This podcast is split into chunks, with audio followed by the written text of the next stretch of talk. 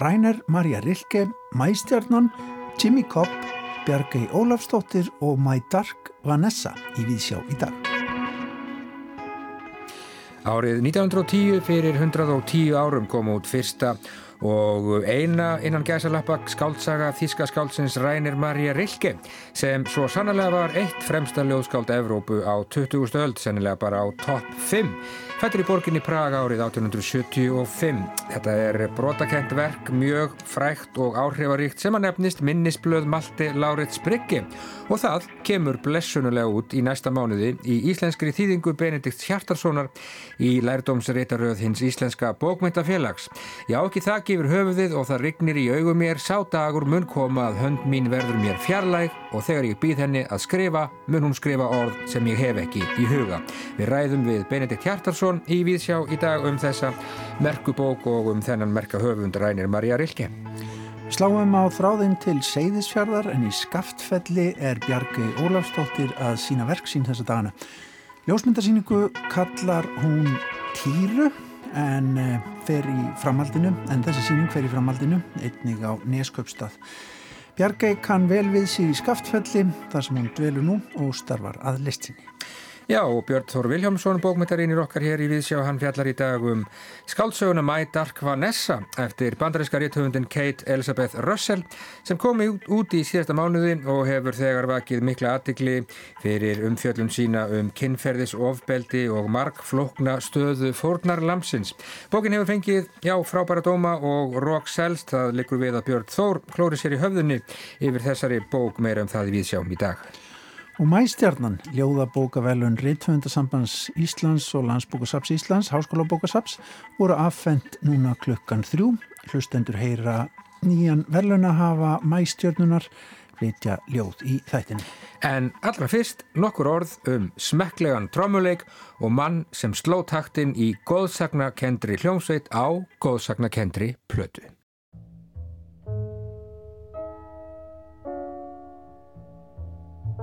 Upphafið lætur svo ekki mikið yfir sér. Hún byrjar á bassa og píanói mestmægnis vinstramegin í styri og hljóðmyndinni.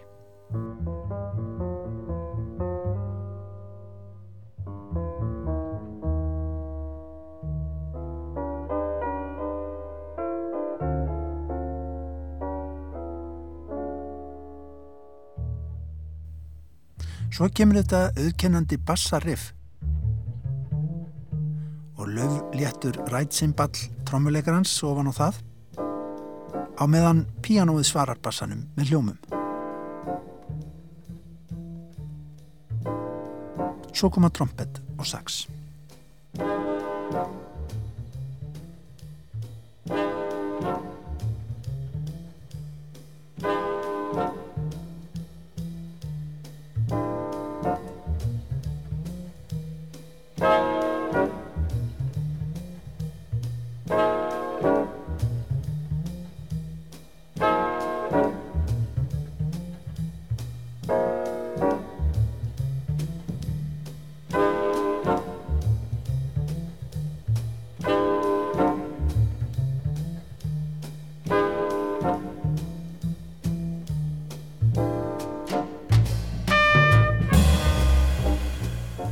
Heyrðu þið þetta litla trommubreyk eins og það er kallað, einfalt en áhrifaríkt uppbrót trommuleikarans.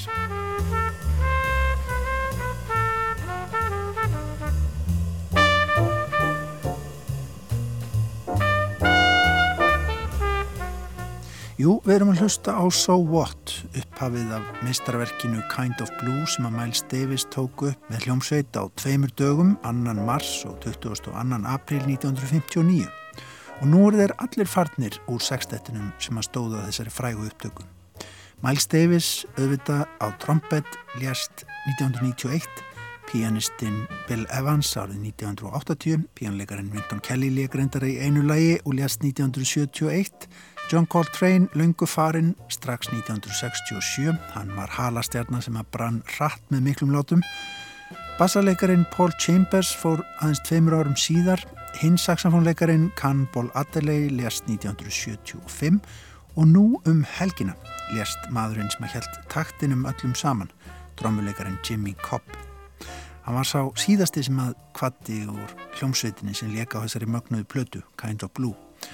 Cobb var fættur í Washington 1929, hlustað á jazzplötur í æsku en heldi sér út í jazzlífið á sjötta áratögnum. Listin hefur aðra listamenn en Miles sem að Cobb leik með á löngum ferli var langur. Nefnum á Örfán Upp, Dizzy Gillespie, Söru Vóan, Billie Holiday, Stan Getz, Wes Montgomery. Listin heldur áfram og áfram. Í eigin nafni gaf Jimmy Cobb síðan út á annan tug platna.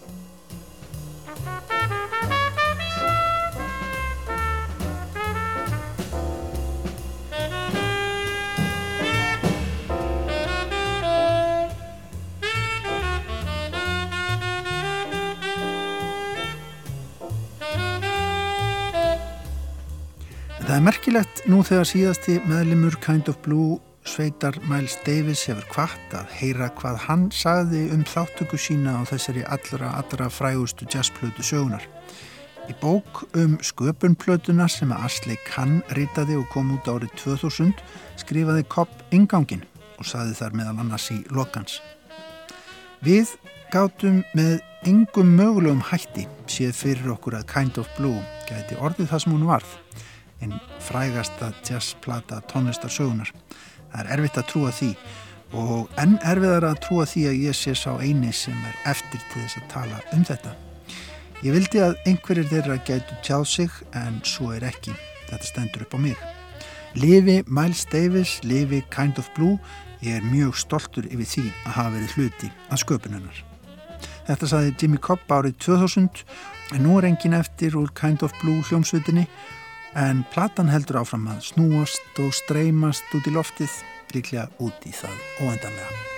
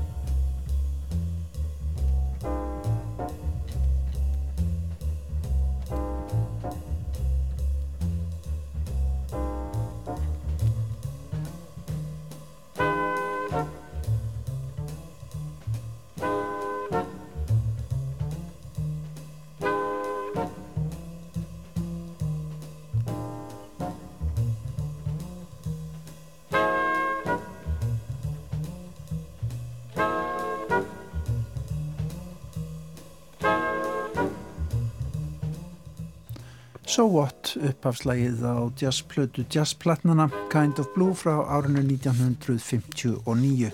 Þar held Jimmy Cobb úti taktinum við drómurnar en hann hveður núna manna síðastur úr þessari góðsögna kentu Sveit Miles Davis. Já, blessu sé minning hans en uh, nú rétt fyrir um það byrju klukkustund síðan þá var mæstjarnan svo kallaða afhend í þjóruða sinn í þjóðar bókluðinni mæstjarnan, þetta er ljóðabókavelun Ritthöfundasambands Íslands og Landsbókasaps Íslands Háskólasaps og þetta er í fjórðasinn sem að þessi verðlun eru veitt fyrir framúrskarandi ljóðlist. Fimm bækur voru tilnefndar að þessu sinni Sigurlín Bjarni Gísladóttir fyrir Undrarýmið, Þór Stefánsson fyrir Uppreysnir, Kristín Eiríksdóttir fyrir bókina Kærastinn er Rjóður, Þórður Sævar Jónsson fyrir Vellanköllu og Loks Jónas Reynir Gunnarsson fyrir bók sem að heitir Þvottadagur og það fór svo að Þvottadagur, Jónas Reynir Gunnarsson, hann hlýtur velunin að þessu sinni og uh, við erum með umsökn domnemdar eða ekki kunni? Jú, Þvottadagur er afar innihaldsrík og margræð ljóðabók segir þar. Enginandi fyrir ljóðin er kraftmikið og hrífandi myndmál og þótt viðfangsefni þeirra séu gerðan alvarleg er ísmeilegi húmórin sjálfnast langt undan. Þetta er stert og vanda verk sem að vekur lesanda til umhugsunar og reyfir við honum. Já og í tengslum við bókamessu sem að framfór síðasta haust þá flutti Jónas Reynir Gunnarsson eitt ljóðana úr þvottadegi og þar var Jórun Sigurardóttir með hljóðnema og fangaði flutningin. Þetta kom körfubolti við sögu. Ég gemdi körfuboltaspilin í Ísboksi. Strákanir áttu möppur með kámögum plastvössum. Michael Jordan var dýrasti seðill þessa gjaldmiðils. Svo hætti hann árið 1993 og var ennþá verðmætari. Þráurðu ekki lengur að spila körfubólta, var Jordan spurður. Þráin verður alltaf til staðar, sagði hann. Ef hún hverfur, stafaði hún ekki af ást. Afi dó árið 1983, fjórum árum áður en ég fættist, Sistir hans kendi handment og rak mig úr tíma fyrir læti. Bróðir hans átti bókabúðuna niður við fljót. Einn daginn gekkið ángað eftir skóla, kefti ódýrasta pakkan af köruboltaspilum, reif hann upp á bílastæðinu og fann fjarsjóð, retirement card og mynd af MJ að sveipla hafnaboltakilfu. Þrá, eftir nýrið þrá, hafið þið fengið hann til að skipta um íþrótt. Ég mátti káma út plöstinn að vild, velja mér heilt byrjunalið, en ég satt á spilinu. Ég gemdi það í bók á náttborinu hennar mömmu. Það kvildi á mér eins og sjúkdómur þar til ári síðar að ég reyfi það í tætlur og hendi því. Ári segna sendi Jordan út tveggjáraða fréttatilkynningu. I'm back. Ári segna sendi ég sjálfur út tveggja fréttatilkynningu. Ég vil ekki að neitt skipti mig máli nema þrá. Jónas Reynir Gunnarsson las þarna ljóð úr ljóðböksinni Þvottadagur sem að nú er honin veluna bók eh, og fekk mæstjörnuna núna rétt í þessu í þjóðbóklunni. Já, við skum Jónasi hjertanlega til hamingi með þetta en við ætlum að snú okkur næst hér í viðsjá á miðugudegi að Erlendum bókmyndum bók sem að vakið hefur, já, nokkurt umtal í bandarískum bókmyndaheimi og jáfnvel náð í gegnum COVID, það er skáltsaga sem að heitir My Dark Vanessa og er eftir Kate Elizabeth Russell, Björn Þór Viljómsson Hann hefur verið að lesa þessa bók og segir okkur frá. Vanessa er 15 ára þegar hún fyrst hittir Jacob Strain, ennsku kennara í fínum og virtum framhaldsskóla, þess áttar skóla sem er sér hannaður til að fleita nefendum sínum inn í allra bestu háskólana. Og Vanessa er 32 ára þegar í ljós kemur að Strain, sem enn kennir við skólan, hefur verið sagaður um að hafa áreitt nefanda, unga stúlku. Fyrst eina og svo bætast fleiri við. Þetta er að sumuleiti áfall fyrir Vanessum. Hún var fyrsta fórnalamp streyn eða fyrsta ástinn eins og hún myndi sjálf orðaða. Endur hún sannfærðum að þessar nýju ásaganir séu reistar á sandi, mennfísnar og rætnar tungur, legar. Það er það sem streyn segir og hún trúur honum. Þau eiga nefnilega enni í samskiptum öllum þessum árum síðar. Sambandið hefur að vísu ekki verið líkamlega náið síðan Vanessa var um tvítugt, þá tók að bera á því að hún var of gömul fyrir streyn En það kemur fyrir að hún ringir í hann síðla kvölds og byður hann um að rifja upp tiltekin atvik frá skólaárunum. Í símanum iljar hún sér svo við minningar um þeirra nána samneiti. Skátsagan sem ég hef verið að lýsa hér nefnist My Dark Vanessa eða mín myrka Vanessa og er þar á ferðinni fyrsta útgefna verk Kate Elizabeth Russell Að bókinni byrjaði hann að vinna í riðlistanámskeiðum í háskóla og nær 20 árum síðar kemur hún svo út í aprilbyrjun og þessu ári, rétt þegar heimsfaraldurinn var að taka yfir fréttaflutning heimsins. Það er næstum kraftaverki líkast að skálsagan hef ekki týnst í heimsfaraldrinum en svo fór þó ekki. Umfjöllun í útbreytum fjölmiðlum, The Guardian, Atlantic, New York Times og fleirum sá til þess og þá kannski ekki síst fyrirsagnindar. Umdeldasta skáldsaga ársins stóð í einu blaðinu. Áður en nokkur hafði eiginlega lesið bókina, hvað þá hafið deilur um hana. Að vísu valdi ópra mætt Darkvanessa í bókaklúpin sinn og fjall svo frá valinu. Kanski dögur það nú orðið til að gera bækur allramdar. Nærlægi var yfirskriftin trublandi flókin ómöguleg og sem leiðis mátti taka undir skörp en mun hrista upp í fólki. En ógildir Lolítu eftir Nabokov hittir naglan ekki alveg á höfuðið. Þraut hugsuð samræða við Nabokov og Lolítu hefði verið nær lægi. Svo er nefnilega raunin að síkilt verk Nabokovs frá sjött áratögnum er einn allra mikilsverðasti sessunautur og samræði félagi hinn að nýju skáltsugum meðan Vanessa er enn í aðlöðunarferlinu, það sem á ennsku er kalla grooming, færir streyn henni Lolítu að gjöf og hún les bókina græðgíslega og svo aftur og aftur. Lolíta verður hluti af röði leinilegra samskipta og í huga Vanessu er hún fjársjóðskist af skilabóðum frá streyn til sín og það sem mestumáli skiptir, Lolíta er ástarsaga, alveg eins og það sem er eiga sér stað millir hennar og streyn. Við þetta er svo að bæta að titillin My Dark Vanessa er tilvitnun í Pale Fire eftir Nabokov og lesendur fá að fylgjast með stolnu stundinni eftir kjenslutíma þegar Strein dregur Pale Fire upp úr fórum sínum og bendir Vanessu á að nöfnu hennar sé þar að finna. Enda sé hún sjálf svo skáldleg og guðdómleg. Hún klárar en öll hinn með dýbri og magnaðri sál, segir Strein. Þetta er aðlöðunar aðferðin sem hann beitti frá upphafi. Ólíkt samnefndum sínum sem allir sprett úr efri efri og jafnvel efstu millistéttir var nessa á skólastyrk og bakgrunnur hennar að öllu leiti ólíkur þeirra. Þess vegna einangrast hún og streyn tekur eftir því. Ég kann líka vel við að vera einn með sjálfu mér, segir hann við hana. Það fyrsta sem ég dætt í hug var að neyta, hugsaður Vanessa. Ég kann alls ekki vel við að vera einsumul, en Kanski hefur hann rétt fyrir sér. Kanski er það mitt val að vera einfari. Sjálfsmyndin sem streyn býður Vanessu er ákjósanlegra en svo gamla. Þetta veit lesandi og svona tekur streyn að skilgreina hvernig Vanessa hugsa um sig alveg frá þeirra fyrstu kinnum. Skátsagan fjallar um upplifununa af því að vera valinn af einstakri insýn. Vanessa er ólingur sem upplifur að karlmaður sem hún ber virðingu fyrir takir sérstaklega eftir henni sjáu það í henni sem engin annar hefur séð.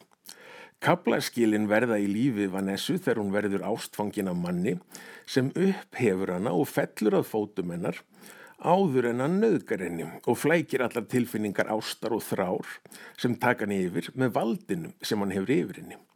Strömrófið sem á sér stað á þessari stundum veldur trublunum sem Vanessa hefur ekki unnið úr 17 árum síðar valda afstæðunar og andstæðunar sem Vanessa upplifur í sambandi sinu við Strein eru enda öfgafullar. Annars vegar er hún Githjan sem Strein fjall stjórnlust fyrir. Hann seti starfsferilsin og almanna álit í hættu fyrir hana. Hún hefði getað sendt hann í fangelsi.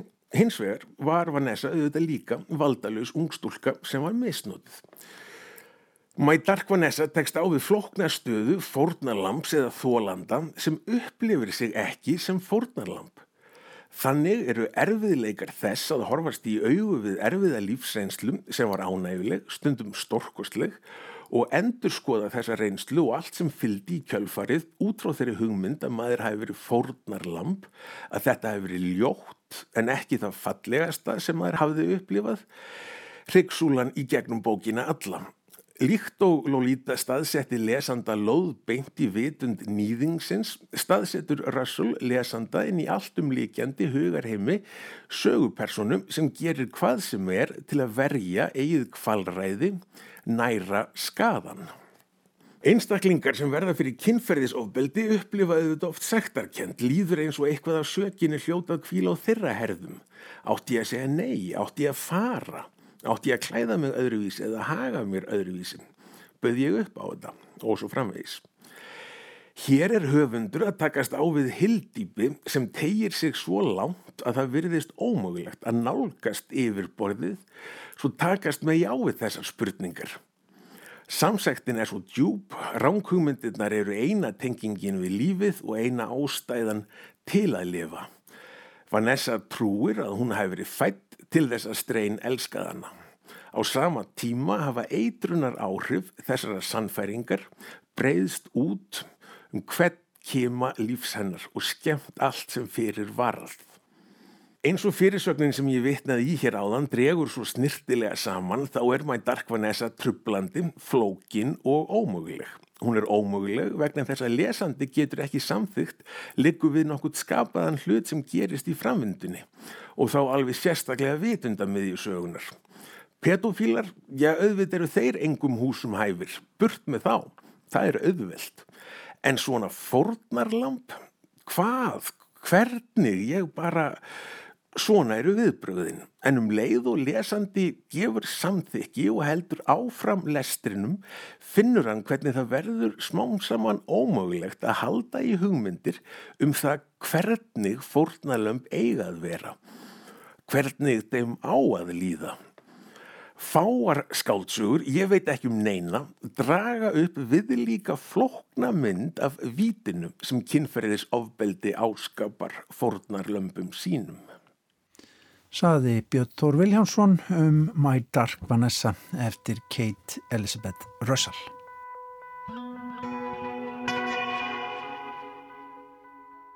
Við erum konið í samband við eh, myndlistar og menningarmiðstöðuna Skaftfella á Seyðisferði. Þar er Bjargei Ólafsdóttir á línni. Bjargei, þú ert búin að vera með já, aðsetur í Skaftfelli undanfarið og ert með síningu í húsinu, ekki satt? Jú, emmi, ég kom inn á fyrsta mæ og búin að vera síðan. Og ég opnaði síningu þetta hérna 11. mæ og hún mun standa út mánuðin en út af COVID þá var ekki hægt að hafa opnun. Þannig að við bara opnum síninguna Já. og fólk var bara mjög duglegt að koma. En núna þegar búið að lifta samkomiðbanninu þá getum við haft lokahóf núna fyrstu dag klukkan 6 Það er lokun sannsagt Já Hvernig er, er, sko, mér skilst að þú ert með bara aðstöðu þarna og, og getur verið í húsinu ekki satt? Þetta er svona vinnustofu dvöl ekki satt? Jú, það er sko íbúðaðstöðhæðinni. Þetta er gamalt færist sjómanaheimili. Mm -hmm. Það sem er mjög svolítið skemmtilegt er, sem sagt, móðið minni er hérna austan og hérna, þegar hún var 13 ára og sýstirinnar var 15 ára, þá voru það sendar hingað í sílt í fóðsólurringa og þá gistu þær hér í þessu húsi sem þá var færist sjómanaheimili. Já, já, þannig að þú ert með smá svona fjölskyldu tengsl við staðin. já, í rauninni. Sko. Og líka langa ömmu bróðin minn, hann átti hérna bæ, eða bíli hérna innar í, eða utar í fyrfinum sem að hétt hérna Östalur, eða í dal sem heitir Östalur. Já, já.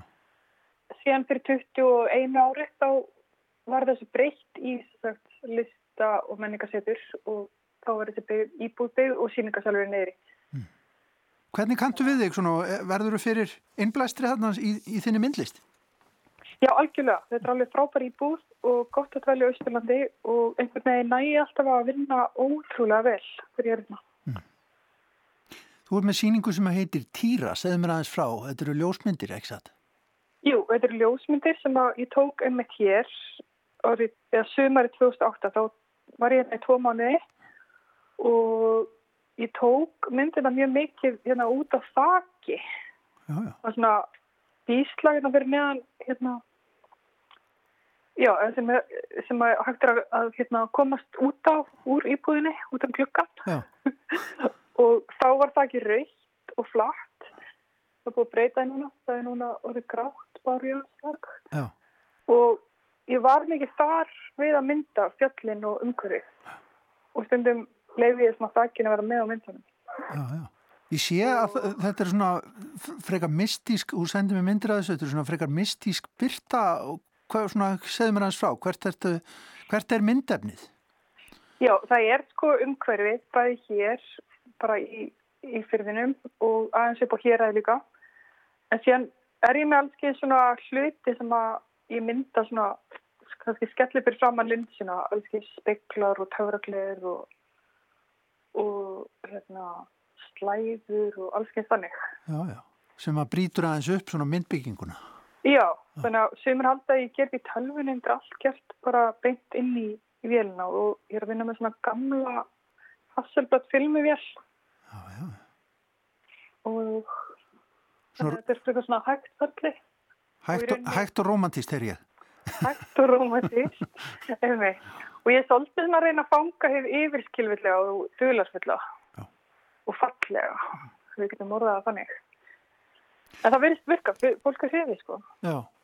En segðum við frá, þetta er í rauninni síning sem að heldur síðan áfram og er, er á smá svona austurlandstúr, ekki satt? Jú, emmi, það er hérna, uh, hún fer á neskupstað og hérna, það er menningastofa fjardarbyggðar sem að er að hérna, svona stendur á bakvið þetta ásandskastarli og hún fer í hús sem heitir Þórsmörk sem er á neskupstað. Það er nýtt hús sem að verður líka svona, þar verður íbúð fyrir listamenn og, og síningasalur. Þannig að það verður að starta einhverju nýju þar sem er gaman að taka þátt í. En hvernig er með þig? Ert að vinna nýjum verkum þannig fyrir austan? Já, ég er að ljósmynda alveg í gríðverk og síðan er ég aðeins að teikna líka. Og þú ert á leiðinni í skriðuklaustur sjálf? Já, ég fer þanga í tólta þegar ég er búin hér. Já. Það er gott að vera á Austurlandi. Já, þetta er ásalegt sko. Já, náttúrulega eins og ég segja eftir Reykjavík og síðan hef ég alltaf komið öðru kóru og, og verið hérna segja sér. Það er svo góð stemmingina. Þetta hljóma vel. Ég segi bara gangi, gangi er vel með, með Austurlands dvölina og síngarhaldið. Já, takk kærlega fyrir. Takk fyrir að heyri okkur, Bjarga Jólastóttir, beðið helsa Austur. Takk, takk. Bless, bless. Bless, bless.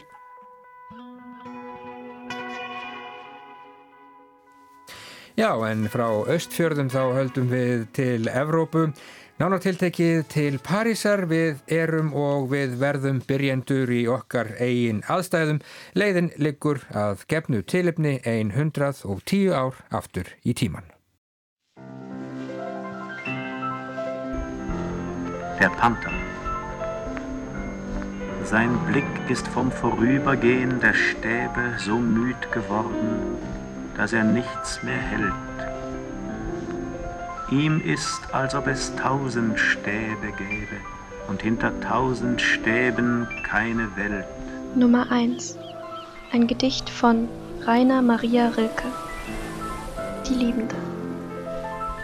Das ist mein Fenster. Eben bin ich so sanft erwacht. Ich dachte, ich würde schweben. Bis wohin reicht mein Leben? Jæja, svo hingað kemur fólk þá til að lifa. Ég hefði fremur talið horfur á að deyja hér. Við erum stött í húsi númer 11 við Rue Tullier í borginni París á getur hlustendur. Ungur maður, 28 ára gamall af dönskum aðalsættum situr við skriftir, hann er einsamall og allslaus, haldinn þráhyggju gagvart ást og dauða, jæja, svo hingað kemur fólk þá til að lifa, ég hefði fremur talið horfur á að deyja hér. Ég var úti við, ég sá spítala. Ég sá mann sem að riðaði og neig niður. Fólk þyrtist á honum, það hlýði mér við því sem fyldi. Ég sá vanfæra konu, hún fetaði sig með erfiðismunum með fram háum hlýjum vegg og þreyfaði eftir honum öðru hverju, eins og til að fullvisa sig um að hann væri þarna enn. Ungi maðurinn fylgist með lífinu í borginni, hann fylgist vel með og færir til bókar.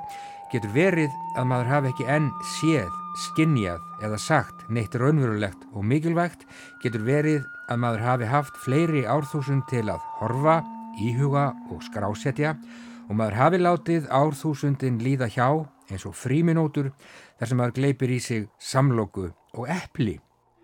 Hvað fleira? Barn í kyrstæðum barnavagni, feitlægið, grænleitt og með greinileg útbrót á enni. Þau voru augljóslega gróa og ollu ekki sásöka. Barnið svaf, munnurinn opinn og andaði að sér jóði, frönskum kartöblum, óta. Þannig var nú það. Aðalatriðið var að maður livði. Það var aðalatriðið.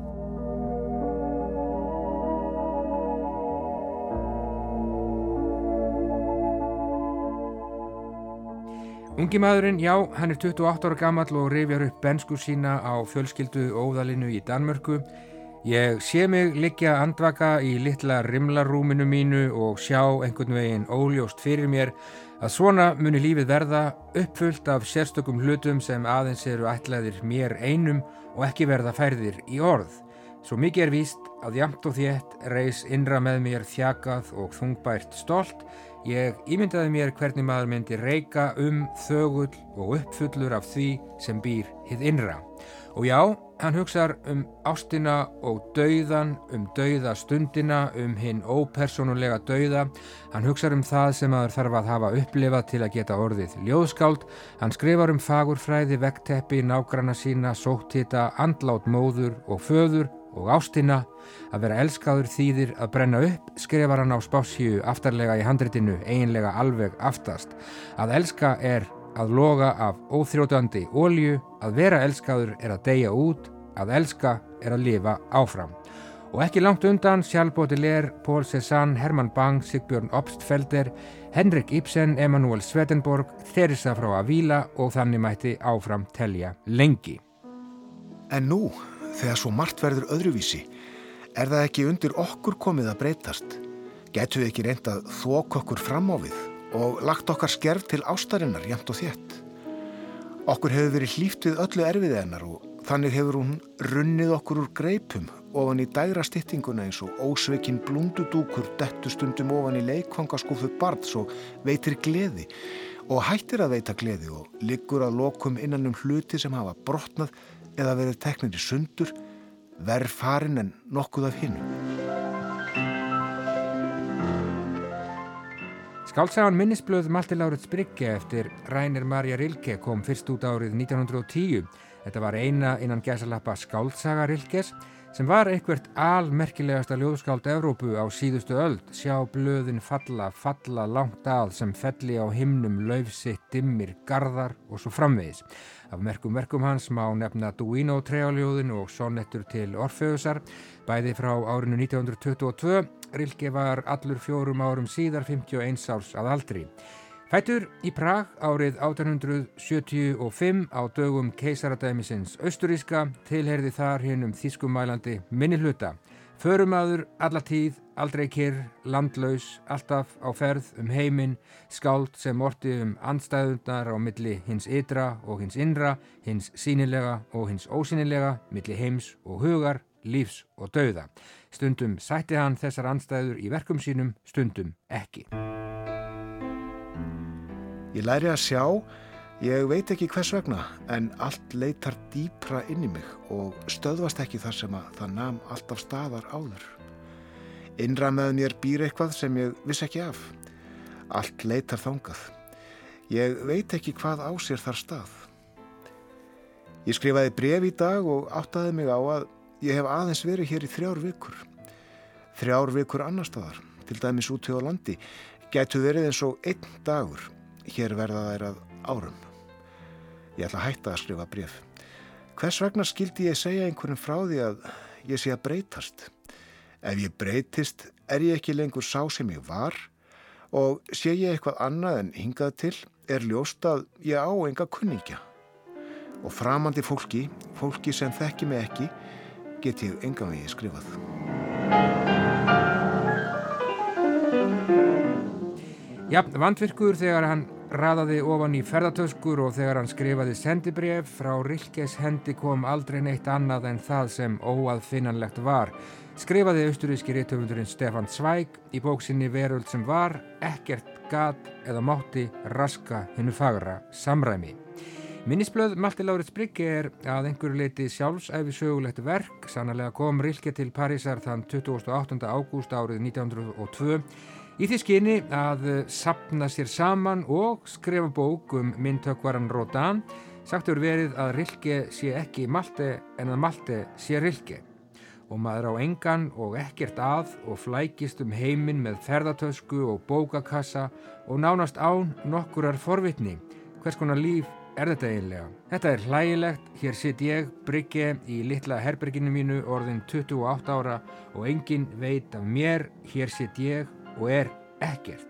Guðminn góður, ég á ekki þakki yfir höfuðið og það rignir í augum mér, það síður í inneflum mínum, án afláts, emdardagar eru yfir mig komnir. Skrifar Malte Láret Sprigge í minnisbækur sínar. Já, Malte Láret Sprigge, hann er í París og hann er að læra að sjá. Þetta er nýtt líf, þrungið nýrri merkingu. Hann er byrjandi í sínum eigin aðstæðum tilvist hins ógnvænlega í hverri ögn andrumsloftsins. Aðalatriðið var að maður livði. Það var aðalatriðið. Verkið Minnisblöð Malti Láret Spriggi hefur haft ómælt áhrif á fjölmarka rítöfunda og þá ekki af verri endanum og ekki af ástæðu lausu. Þessi 110 ára gamla bók, hún er jafn ný nú árið 2020 og hún var árið 1910. Hún er jafn auðug nú og hún var þá og hún kemur í næsta mánuði út í íslenskri þýðingu Benedis Hjartarssonar í lærdómsrétaröð hins íslenska bókmyndafélags því ber sannarlega að fagna. Það er verðað ekki miklu merkilegri bækurnar sem koma út á Íslandi þetta árið. Við erum spiltir af auðfengnum nautnum eins og allir viðvanningar en af okkur fer orspor mistrans. Hvernig væri að við virtum velgengni okkar að vettugi? Hvernig væri ef við ferum að læra allt frá byrjun erfiði ástarinnar sem alltaf hefur verið ind af hendi fyrir okkur? Hvernig væri ef við færum og erðum byrjendur nú þegar margt er að breytast? París 1902, Malte Láriðs Brygge, Reykjavík 2020, Benedikt Hjartarsson. Þetta er uh, á mörgu leiti myndi ég segja alltaf einstök uh, bók og uh, hún er kannski einhvers konar lýrískur prósi, mm -hmm. getum við sagt. Ekspressjóniskur? Já, vísar að mörguleiti taldið inn í ekspressjónisman. Uh, kemur hérna 1910 þegar ekspressjónismin er svona að fara að stað. Hún er auðvitað líka með svolítið rætur í aldakvörfunum 1900 og kemur taldið úr svona symbolismanum og dekadensinum frá, frá aldarlokunum á 19. öldinni er þarna að einhverju leiti taldið á forvitnilegu mörgum aldamótan á 20. aldar bókmyndana og frá okkar tíma séð er vandalegust að tala um hana sem skálsögu mm -hmm. en þetta er kannski eitt af þeim verkum sem ádaldinn þátt í því að brjóta upp skálsöguformið á þessum tíma. Já. og eitt af því eh, sem á nefna þar er við tölum um hana uh, sem einu skálsögu Rilkes, hann talar aldrei um verkið sem skálsögu, þetta er prósa. Já. prósabók. Prósaverk, eins og hann talar um, en auðvitað eru ákveðin skálsögu enginni, það er ákveðin saga ákveðin sem að liggur undir ákveðin þroska Já, saga einmitt. Og við fylgjum þessari personu, það eru endurlit aftur í, í uppvækstan árin í Danmörku. Óðalsetri þar. Óðalsetrið þar og tvö óðalsetur Mm. í rauninni þar, það er, það er föður fjölskyldan og það er móður fjölskyldan Magnaða lýsingar þar. Magnaða lýsingar. Minnum hann á Prúst jafnvel? Minnum hann aldrei á Prúst og, og uh, þarna er Prúst auðvitað að fara af stað með sitt Mm. stóra verk. Rilke var mikill aðdáðandi Prúst uh, gríðarlega mikill aðdáðandi og þeir, þeir þekktu verk uh, hvors annars líka vel en svona kallast að mörguleitið aldrei uh, skemmtilega á Já. En það er svona þessi þráður með þessa sögupersonu, við höfum þessa svona skáldsögu þætti, eða eh, skáldsögu þráð í verkinu, getur við sagt. Og þetta er að mörguleiti aldrei brotakent verk, sömuleiðis. Þetta eru 71 brot sem þarna koma saman. Það eru kablarnir sem að, uh, eru í París, lýsa örbyrð og, og, og svona eimtar lífi uh, þess að dana af aðalsættum í sárri örbyrð í París, mm. þar sem nútíma stórborgin uh, þyrmir daldið yfir hann og hann sér hérna hnygnun og, og dauða allt um kring. Síðan eru brotin þar sem eru endurminningarnar frá uppvægstar árunum í eh, Danmörku sem eru líka mörguleiti mjög sérstök því þar erum við með æskuminningar sem standa meir og minna undir merkjum dauða og yfirnáttúrulegra fyrirbriða. Það er ekki mm -hmm. þessi svona hlýja endurminning sem við þekkjum yðurlegur verkum. Hún er mjög grimm í rauninni æsku. Dularfullar verður þarna ljósklætta konan til dæmis Og já, dauðin yfir og allt um kring. Já, dauði Avans er auðvitað mm. frægi kaplinn þarna í, í bókinni, já. dauði föður Avans uh, sem fær sinn eigin dauða og, og óðalsetrið er einlega undirlagt og allt þorpið undir þennan dauða sem já. eru ríkalegar lýsingar. Og síðan eru þriðubrótin eru þessi, þessar hérna sögur úr fortíðinni Já. aftur á miðaldir og eru einan alveg aftur í fornöld að koma mm. þarna kaplar um Saffo meðal annars, skablar um Íbsen og Sjám, þetta er svona lesturinn líka hjá, já. hjá Malteiruninni.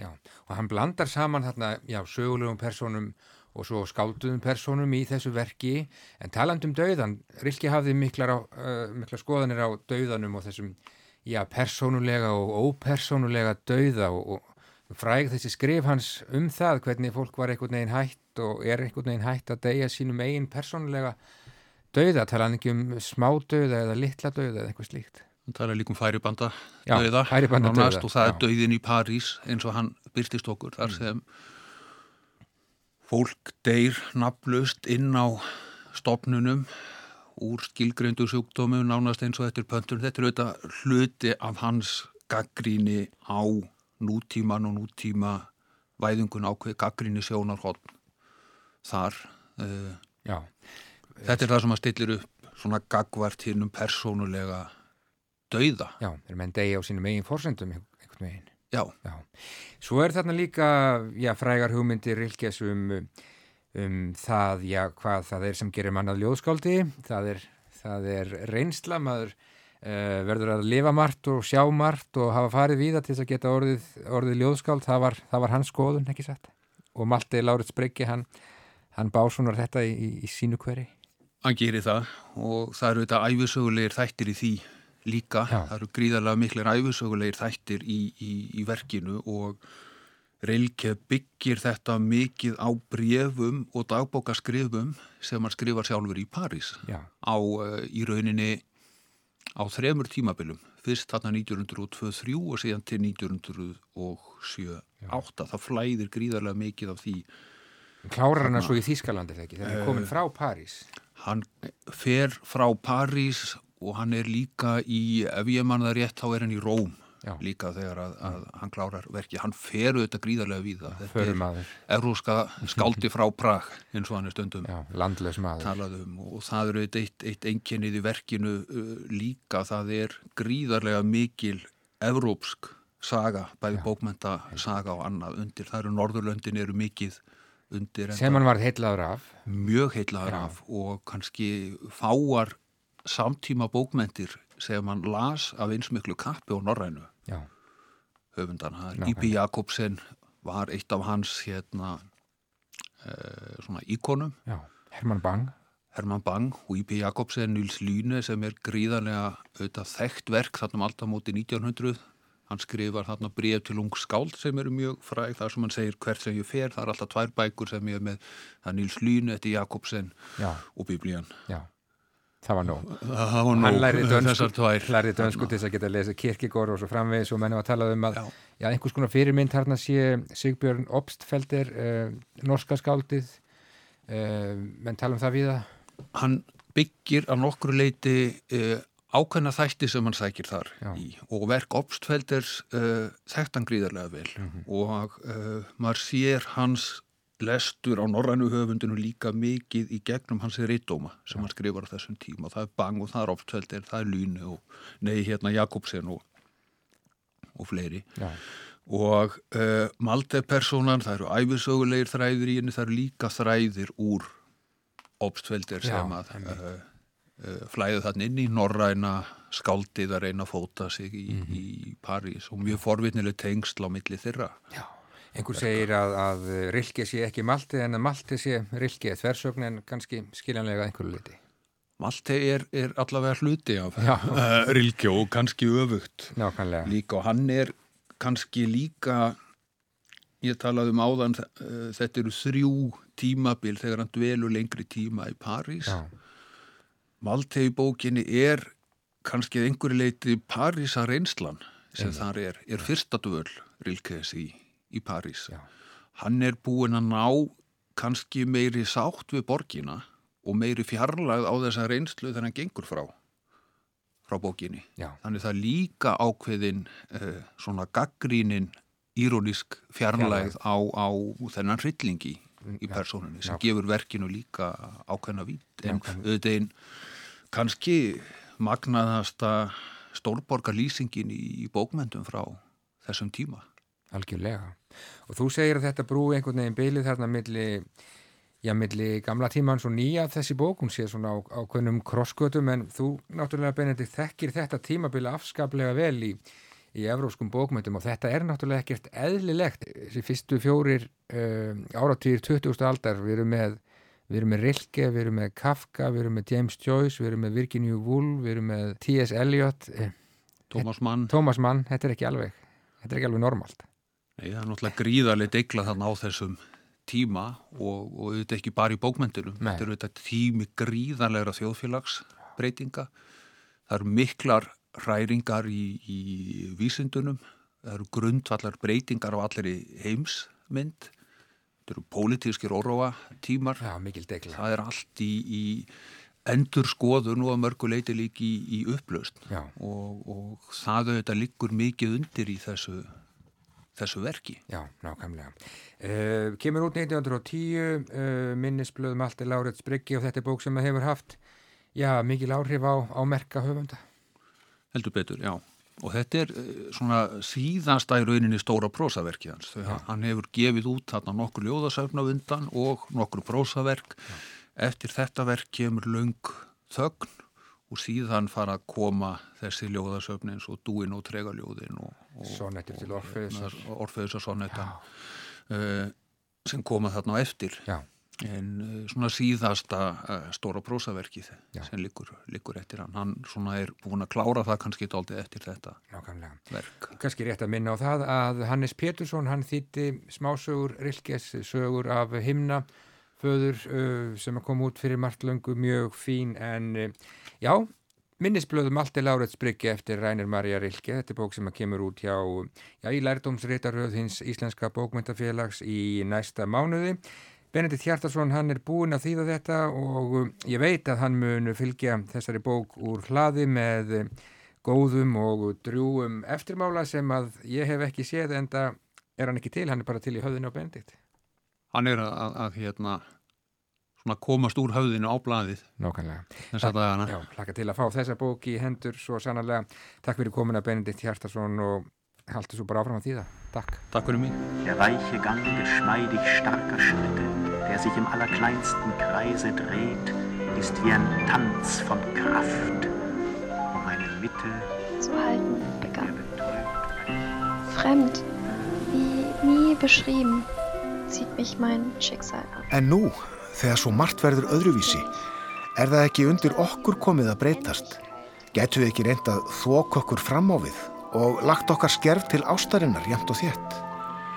Okkur hefur verið hlýft við öllu erfið hennar og þannig hefur hún runnið okkur úr greipum ofan í dægra styttinguna eins og ósveikin blundudúkur dettustundum ofan í leikfangaskúfu barns og veitir gleði og hættir að veita gleði og liggur að lokum innan um hluti sem hafa brotnað eða verið teknir í sundur verð farin en nokkuð af hinnu. Hvernig væri ef við færum og erðum byrjendur nú þegar margt er að breytast.